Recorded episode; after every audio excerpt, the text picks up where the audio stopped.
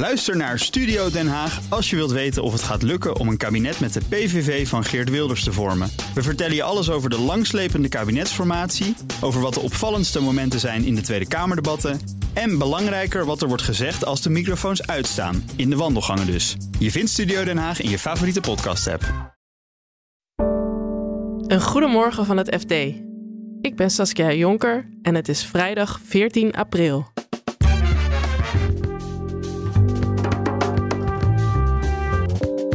Schiphol en de Rotterdamse haven zijn het niet eens met het 5G-beleid. Maar ze hebben 5G wel nodig. Uh, Schiphol wil de bagageafhandeling ermee automatiseren. En de haven wil bijvoorbeeld autonome schepen laten varen. Kroatië wisselt de kuna in voor de euro.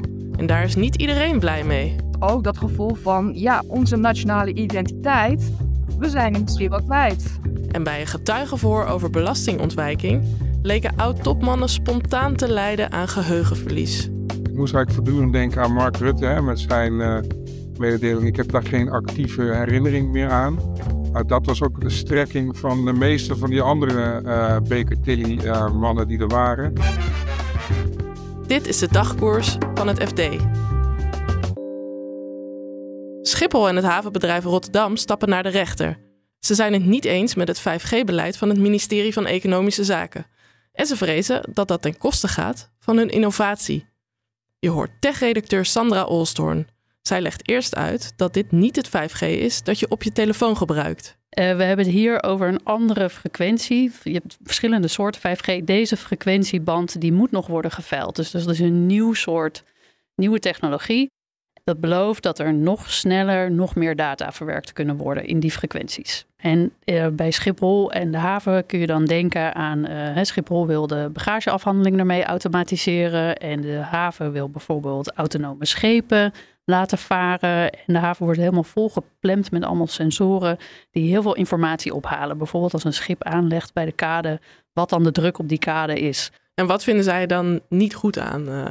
Nou, een van het ministerie dat wil. Ja, een van, de, een van de dingen die in het plan staan van het ministerie is dat een groot deel van het spectrum, noem je dat, hè, dus de frequenties in zo'n frequentieband, sorry voor alle technische termen, maar uh, het spectrum is gereserveerd voor de operators, dus gewoon KPN, Vodafone, T-Mobile, die gaan daarop bieden.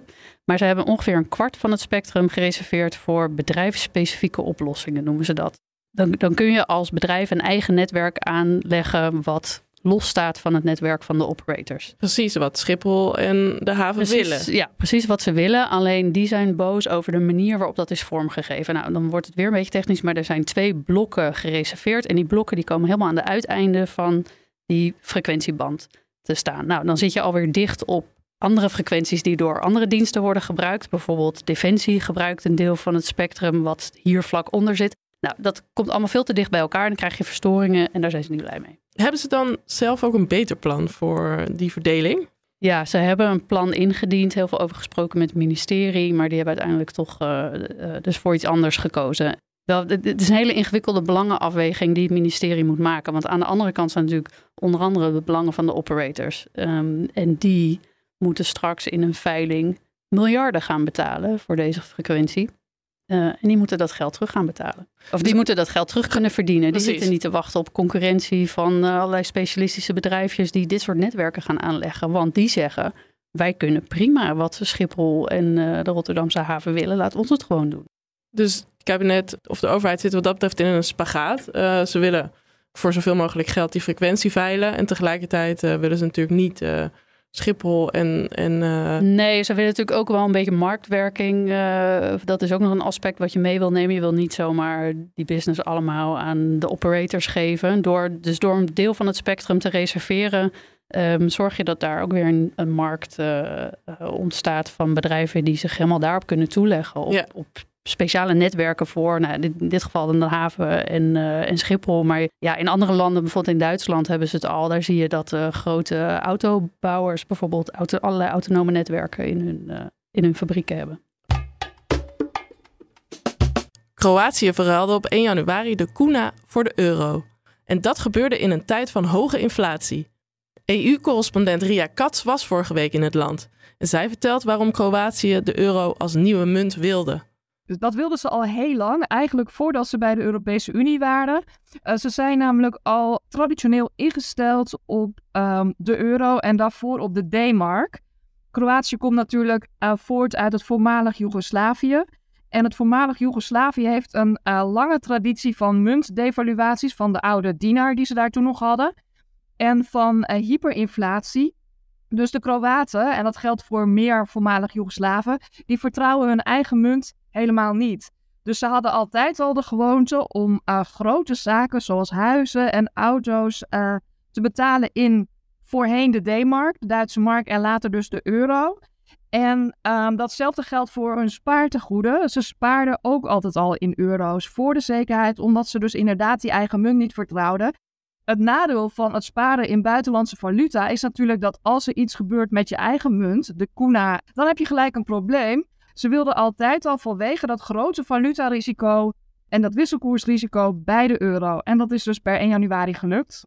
Dat klinkt inderdaad heel logisch, maar dat mag natuurlijk niet zomaar. Wat moest Kroatië doen om die euro te mogen gebruiken? Uh, heel erg veel. Dus er zijn de afgelopen jaren ongelooflijk veel regels opgetuigd, zoals de bankenunie, hè, het, centrale toezicht door de ECB op de banken, uh, witwas, anti-witwasmaatregelen, betere regels voor hoe je omgaat met staatsbedrijven, hoe je omgaat met bedrijven die um, iets nieuws willen beginnen, kortere procedures, allemaal dingen die uh, economisch heel goed zijn. Maar dat hebben de oude eurolanden dus allemaal nog niet hoeven doen. Achteraf hebben ze dat natuurlijk moeten invoeren sinds de crisis. Maar Kroatië heeft dat dus vanaf begin af aan, voordat ze bij de eurozone mochten, allemaal moeten doen. Ze hebben dus ongelooflijk veel uh, werk verzet. Dat was uh, behoorlijk zwaar. Want dat is natuurlijk ondertussen ook nog een financiële uh, crisis geweest uh, door de pandemie. Um, uh, de COVID-crisis. Er is ook nog de Oekraïne-crisis geweest. en die is helaas nog steeds gaande. En natuurlijk een grote aardbeving in het land zelf in 2020 tijdens dat rampjaar van de pandemie. Dus ja, ze hebben het zwaar gehad. Maar ze zeggen nu wel tenminste de overheid en de centrale bank en dergelijke. Nou, we staan er als land nu een stuk beter voor, want we zijn flink gemoderniseerd. Die moeten we doorzetten. Precies, en jij was daar afgelopen week. Hoe reageerden mensen op die euro? Wat was jouw indruk? Ja, er werd toch ook wel uh, gezegd van, nou, we vinden het allemaal veel duurder geworden. Het is veel moeilijker geworden. Um, ja, de kuna wordt ook gemist omdat um, uit eigenlijk nationalistische gevoelens emotioneel, dat hadden wij al met gulden. Maar wij hebben nooit echt gevochten voor de gulden. Dat hebben de Kroaten wel moeten doen tijdens de Joegoslavische oorlogen. En uh, daarna konden ze de kuna invoeren. Dus de kuna is eigenlijk ook nog een soort van nationaal symbool van we zijn nu eindelijk een eigen land. Die hebben ze nu moeten inleveren. En dat vinden ook veel mensen moeilijk. Dus het is niet alleen uh, die prijsverhogingen die er inderdaad deels zijn. 0,4% van de prijsstijging komt volgens um, de centrale bank 0,3 zegt het ministerie van Financiën door de euro. Maar het is dus inderdaad ook dat gevoel van, ja, onze nationale identiteit, we zijn hem misschien wel kwijt. Er is dus veel kritiek. Zijn er ook mensen wel enthousiast? Er zijn zeker mensen enthousiast. En uh, de overheid verwacht ook dat dat nog wel meer zal worden. Want uh, de leenkosten zijn nu al afgenomen. Het is goedkoper om een hypotheek aan te gaan, nu ze niet meer dat uh, valutarisico hoeven inboeken. Het is dus goedkoper lenen, uh, voor bedrijven ook. Um, je, de economisch liggen er allemaal kansen. Ze verwachten veel meer toeristen nog. Het is natuurlijk sowieso al een toeristenland, maar het is nu nog makkelijker geworden om naar Kroatië te gaan. Ook omdat ze inmiddels sinds januari ook nog bij de Schengenzone zitten en je dus niet meer die paspoortcontroles aan de grens hebt.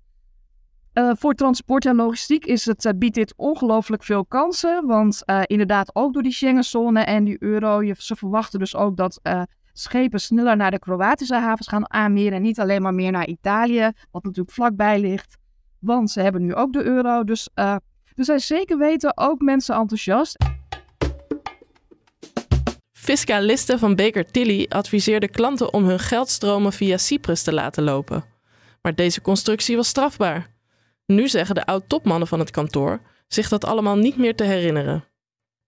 Onderzoeksjournalist Joris Polman vertelt wat er gebeurde toen de Belastingdienst hier lucht van kreeg. Nee, die is onderzoek gestart en uiteindelijk uh, mondde dat in 2014, 2015 uit in een strafzaak. Uh, en in die strafzaak uh, is ook een aantal ondernemers die zo'n constructie had, die, zijn ook, die zijn ook meegezogen daarin.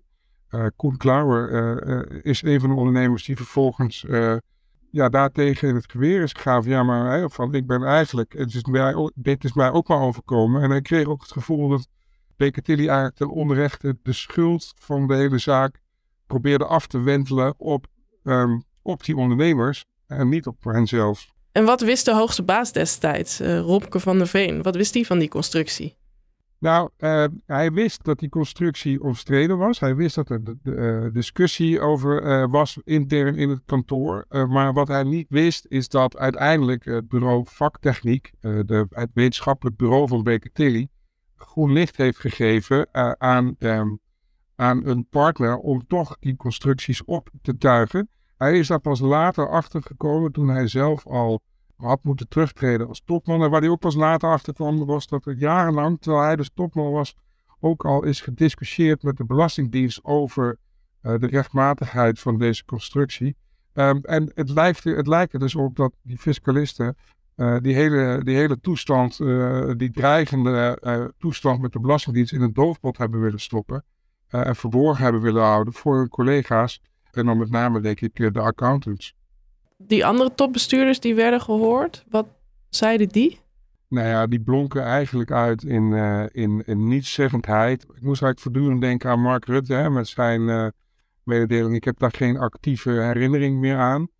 Dat was ook de strekking van de meeste van die andere uh, Baker Tilly-mannen die er waren. Het was een heel nerveus schimmenspel. overduidelijk waren ze geprepareerd door een advocaat om vooral zo weinig mogelijk te zeggen. Ja, als je onder Ede staat, dan, kan je, dan mag je niet liegen. En de truc die je dan uh, nog overhoudt, is dan te zeggen dat je het gewoon niet meer weet wat er is gebeurd. Zij waren wel allemaal partners, ook in die tijd dus dat die constructie werd opgezet. Waarom uh, weet de een eigenlijk niet, dus die Romke van der Veen, die wist niet waar de anderen mee bezig waren? Hoe kan zoiets? Nou, dat is een interessante vraag. Uh, ik denk zelf dat dat te maken heeft met de bloedgroepen die binnen zo'n uh, commercieel accounts- en advieskantoor uh, actief zijn. Je hebt natuurlijk die accountants, die zijn streng gereguleerd, risicoavers. en dan heb je de commerciële tak, dat zijn de consultants die adviezen geven en ook belastingadvies geven. En dat zijn, dat zijn de, een beetje de rainmakers van het kantoor. en die zijn ook geneigd om sneller wat meer risico te nemen. En ik denk eigenlijk dat uh, die fiscalisten uh, gewoon ook om de interne liefdesvrede te bewaren, uh, hebben gedacht, weet je wat, we lossen dit wel op, geen zorgen, we gaan het ook even niet aan die accountants vertellen, want daar krijgen we alleen maar intern gedoe van en we hebben het al druk genoeg. En vanuit zo'n sfeer hebben ze dat onder de pet willen houden en hebben ze de, de discussie, de jarenlange discussie met de Belastingdienst, eigenlijk verzwegen voor de accountantstak en zo is hij dus ook nooit uh, open en bloot besproken uh, in de raad van bestuur, waarin dus ook accountants uh, zaten van Baker Tilly. Zo is bijvoorbeeld ook een schikkingsvoorstel dat de fiscus op enig moment heeft gedaan, is ook nooit terechtgekomen bij de mensen die daar uiteindelijk over hadden moeten gaan, die raad van bestuur. En dat, ja, achteraf kan je dan zeggen, als je ziet wat er dan nog is gebeurd, de strafzaak, allerlei reputaties naar de knoppen, een hoop gedoe en ellende, had je maar geschikt. Had je maar op een kaart gespeeld, dan was het allemaal heel anders gelopen. Ja, goed, allemaal water under the bridge. Maar zo is het dus wel gegaan en dat verklaart zich naar mijn smaak de aloude discussie over accountants en adviseurs onder één dak. We hebben het afgelopen jaar, of afgelopen jaar ook gezien dat EY heeft geprobeerd om een wereldwijde splitsing voor elkaar te boksen. Dat is niet gelukt, maar dat is, vloeit wel allemaal voort uit dit thema.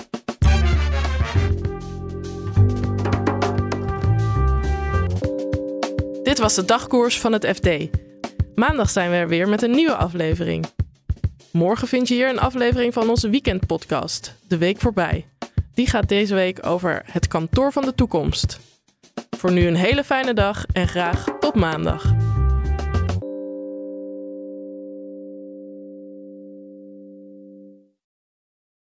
Ook Liesbeth Staats vind je in de BNR-app. Ja, heel handig. Luister live naar Kees en mij tijdens de Daily Move. Dan blijf je ook gelijk op de hoogte van breaking news en het laatste zakelijke nieuws. En daar vind je ook alle BNR-podcasts, waaronder de Perestrooikast. Download nu de gratis BNR-app en blijf scherp.